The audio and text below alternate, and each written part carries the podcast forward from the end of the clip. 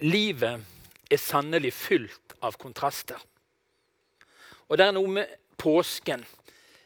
Den òg er på mange måter som selve livet. Fylt av kontraster. Det begynner med palmesøndagens jubelinntog i Jerusalem. Hosianna-ropene runger, og kongen kommer ridende inn. Selv om det er på et esel, så er folkemengden full av jubel og begeistring. Så kommer den lange fredagen, hvor stemningsleiet er helt annerledes. Store kontraster. Og så ender det i første påskedag med jubel og oppstandelse. Fullt av kontraster. Jeg savner en kontrast for min del i påsken. Og Det er ikke så mange år siden jeg fikk lov å ha en påske hvor jeg den ene dagen kunne rusle langs strendene på Listalandet i sol og vindstille. Og en annen dag være i heiene opp forbi Lyngdal og gå på ski. Samme påsken. Fullt av kontraster. Og mange av oss har nok drømt om at denne påsken skulle ha vært litt annerledes. Men han blei virkelig ikke sånn som vi hadde tenkt og planlagt. Nå sitter vi litt for oss sjøl. Kan ikke invitere familien en gang til påskemiddag, som vi hadde planlagt. Fullt av kontraster. Vi skal lese det som er dagens tekst, og vi skal lese i Jesu navn. Ved daggry den første dagen i uken kom kvinnene til graven og hadde med seg de velluktende oljene som de hadde laget i stand. Men med ett sto det to menn hos dem i skinnende klær. Kvinnene ble forferda og bøyde seg med ansiktet mot jorden. Men de to sa til dem, Hvorfor leter dere etter den levende blant de døde? Han er ikke her, han har stått opp. Husk hva han sa til dere mens han ennå var i Galilea. Menneskesønnen skal overgis i syndige menneskers hender og korsfestet, og den tredje dagen skal han stå opp. Da husket de hans ord. Og de vendte tilbake fra graven og fortalte alt dette til de elleve og til alle de andre. Slik lyder Herrens ord. Og I denne talen denne første påskedag så skal vi kikke litt på noen av disse menneskene som vi møter i påskedrama, og noen i tillegg. Og Under overskriften 'Fra skuffelse til håp og tro' så skal vi bevege oss i dette skiftende landskapet. Og Den første som vi møter, er Peter. Og Vi leser fra Lukas kapittel 22. Og Herren snudde seg og så på Peter. Da husket Peter det Herren hadde sagt til ham. Før hanen galer i natt, skal du fornekte meg tre ganger. Og han gikk ut og gråt bittert. Full av skuffelse over sin eget, sitt eget svik, sine egne begrensninger, sin egen feighet. Han som hadde vært så frimodig, han som hadde stått fram med så sterke ord og uttrykk. Og så sniker han seg skuffa unna. Skuffa over seg sjøl. Og jeg tror noen av oss kan kjenne oss igjen, òg i Peter. Det er ikke Jesus som har skuffa oss. Det er vi som har skuffa oss sjøl fordi ikke vi vågte å stå for det vi tror, og frimodig bekjenne Hans navn. Andre påskedag handler teksten om Emmaus-vandrerne to stykk på vei ut fra Jerusalem til en liten by som heter Emmaus. Og vi som hadde håpet at det var han som skulle befri Israel. Dessuten, i dag er det alt tredje dagen siden alt dette hendte.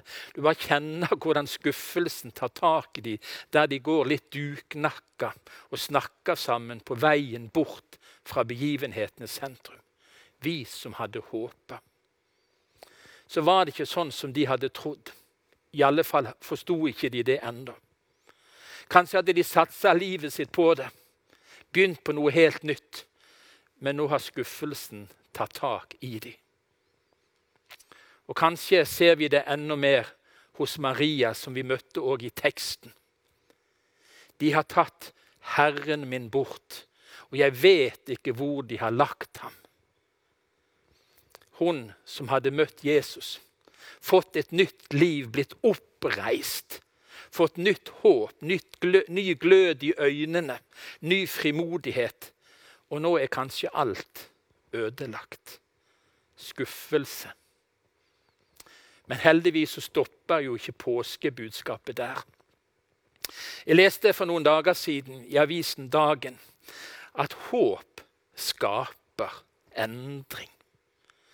Kanskje håpet er det sterkeste sårkornet vi har, sa Roger Vassnes i en artikkel 31. mars. Kanskje håpet er det sterkeste sårkornet vi har. Ryktet går jeg vet ikke om du har spilt det spillet, et koselig familiespill. Jeg har spilt det noen ganger og er like fortvila over mine manglende evner til å tegne noe som folk forstår. Når jeg skal beskrive noe med streker på et ark, så tipper de ofte noe helt annet. Men annerledes var det med mennesker som møtte Jesus.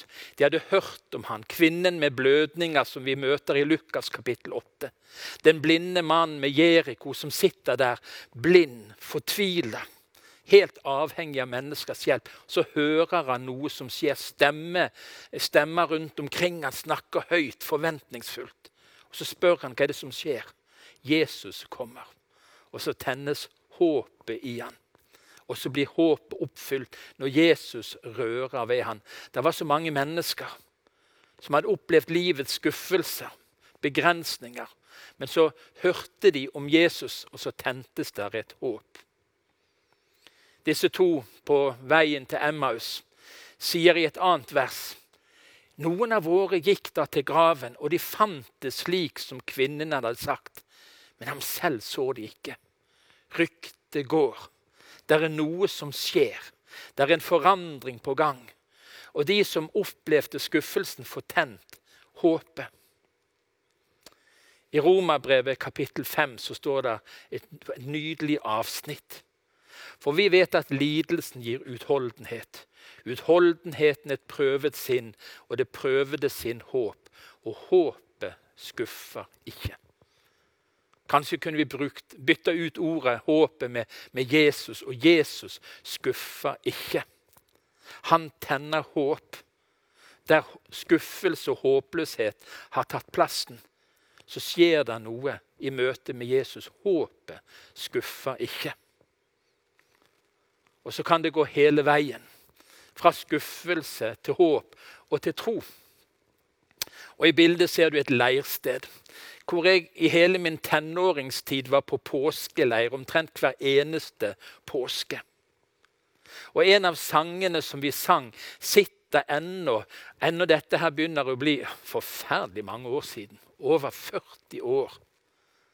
Et møte med Jesus forvandler alt. Gir glød til det hjertet som før var kaldt. Den sorgfulle gledes, den svake får kraft. Og gi meg et møte med Jesus. Så opplevde vi det på påskeleirer som tenåringer. At et møte med Jesus forandra noe, forvandla noe. Det skapte tro. Der det før hadde vært tvil og spørsmål, så gjorde et møte med Jesus en forskjell. Og Blar vi opp i sangboken, så finner vi en av de mest kjente påskesangene. Og salige stund uten like. Han lever, han lever ennu. Han vandrer i seierens rike. Min sjel, hvorfor sørger da du? Du søkte din trøst i den døde og dvelte ved gravnatten kun. Så fikk du den levende møte, og salige, salige stund. Så fikk du den levende møte. Jesus lever. Jesus kan møte oss der vi er, i vår skuffelse eller i vårt håp om en endring som er på gang, og skape tro. Nydelig leser vi i Johannes kapittel 20 om Maria, som hadde kommet til graven, som vi leste om i teksten vår denne søndagen. Og så hører hun 'Maria', sa Jesus. Da snudde hun seg og sa til ham på hebraisk Rabuni, det betyr mester. Et møte med Jesus forvandler alt. Skuffelsen, håpet som brast, blir reparert, blir helbreda i et øyeblikk når hun hører navnet sitt fra mesteren sjøl, Maria. Emmausvandrerne som opplevde jeg, vandringen fra skuffelse til håp. Og så skjer det noe når vi leser i Lukas 24. De sa til hverandre, brant ikke hjertet i oss da han talte til oss på veien og åpnet Skriftene for oss? Det er noe som skjer. Skuffelse som har beveget seg til håp, kan ende i tro når ordet åpner seg for oss. Når bibelordet begynner å leve og vibrere, det skaper tro. Troen kommer av forkynnelsen, sier Paulus i Romerbrevet. Så åpner Gud Skriftene for oss, og så skapes troen. Så var det ennå en i denne flokken rundt Jesus som sleit enda mer.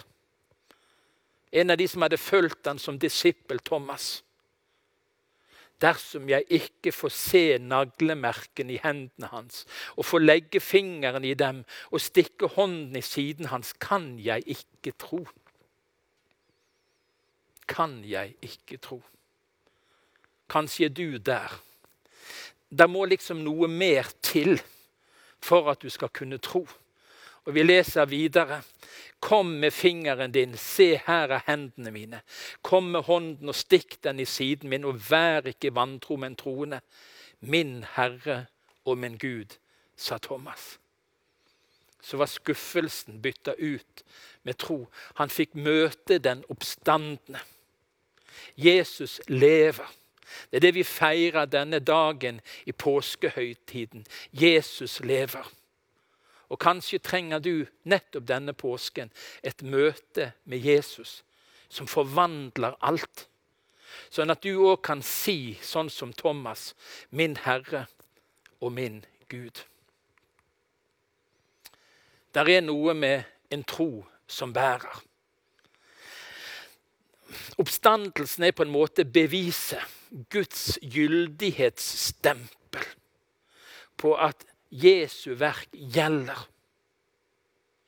Og I 1. Korinterbrev kapittel 15, som omhandler dette på en spesiell måte, så sier Paulus.: Men er ikke Kristus stått opp, da er vårt budskap tomt. Men så kommer det. Men nå er jo Kristus stått opp fra de døde, og det forandrer alt. Oppstandelsen er forunderlig nok ett en av de best bevitna historiske hendelsene. Personlig så eldste historie som fag på skolen. Og Det er litt rart nå som voksen å, å, vite at mange av disse personene som ble helter for meg som ungdom eh, Vi har nesten ikke noe skriftlig materiale som bevitner deres eksistens. Noen ganske få, skrevet århundrer etterpå at disse personene levde. Men når det gjelder Jesus, så er det tungt bevitna. Det var øyenvitner. Det var et massivt skriftmateriale som forteller at Jesus er stått opp fra de døde. Den troen som du har, den bærer. Og så skjer det noe med oss, i oss som tror. Og vi leser fra Roman 8. Han reiste Jesus opp fra de døde. Og dersom Hans ånd bor i dere, skal Han som reiste Kristus opp fra de døde, også gi deres dødelige kropp liv ved sin ånd, som bor i dere. Har du møtt Jesus? Har du møtt den oppstandende? Har du tatt imot han, så har Hans ånd tatt bolig i deg. Og den vitner vitner sammen med din ånd at dette er virkelig. Du kjenner det, du har erfart det. Det er ikke bare en tro, en forsandholden, men det er noe som har tatt bolig i deg. Jesus levde for 2000 år siden, sier noen, og så var han borte. Ja, men jeg har snakket med han i dag, var det en som sa. Jeg har møtt han denne dagen. Han bor i mitt liv. Det er en tro som bærer av Jesu oppstandelse. Og så er det et håp som bærer. Men nå er jo Kristus stått opp fra de døde som førstegrøden av dem som er sovnet inn. Den tiden vi lever i, krever ekstra håp. Vi håper å komme tilbake igjen til det normale. Eller i alle fall til noe som er annerledes enn akkurat nå. Vi håper, og vi tror det, og vi regner med det, men vi vet ikke helt når. Det kristne håpet går enda lenger og er enda djupere. Fordi Jesus sto opp av graven, vant over død og mørke, så er det som på en måte er et, bevis på at en dag skal vi òg få lov å stå opp sammen med han. Han er den første. Og de som tror på han, skal en dag få stå opp til et nytt liv, til et evig liv sammen med han. Du har et håp som bærer og det blir annerledes. Her lever vi med begrensninger. Her lever vi med syndens konsekvenser òg etter oppstandelsen. Vi merker det på kroppen vår. Men det skal komme en dag som er annerledes. Slik er det også med de dødes oppstandelse. Det blir sådd i forgjengelighet. Det står opp i uforgjengelighet. Det blir sådd i, i vanære. Det står opp i herlig glans. En dag så skal dette legemet forandres, forvandles. Vi skal møte Jesus, vi skal se han som han er, og vi skal bli han lik, sier Bibelen. Fordi Jesus sto opp, så får du en tro som bærer. Og du får et håp som bærer. Amen. Før vi avslutter denne gudstjenesten, så skal du få med deg Herrens velsignelse. Men helt til slutt så skal vi synge den sangen, den påskesangen som topper de fleste undersøkelser av den mest populære påskesangen. Og syng med der du er, sammen med våre forsangere. Når vi etter velsignelsen stemmer i 'Deg være ære'. Herre, over dødens makt. Ta imot Herrens velsignelse. Herren velsigne deg og bevare deg. Herren lar sitt ansikt lyse over deg og være deg nådig. Herren løfte sitt ansikt på deg og gi deg fred i Jesu navn og for Jesus skyld. Fortsatt god påske.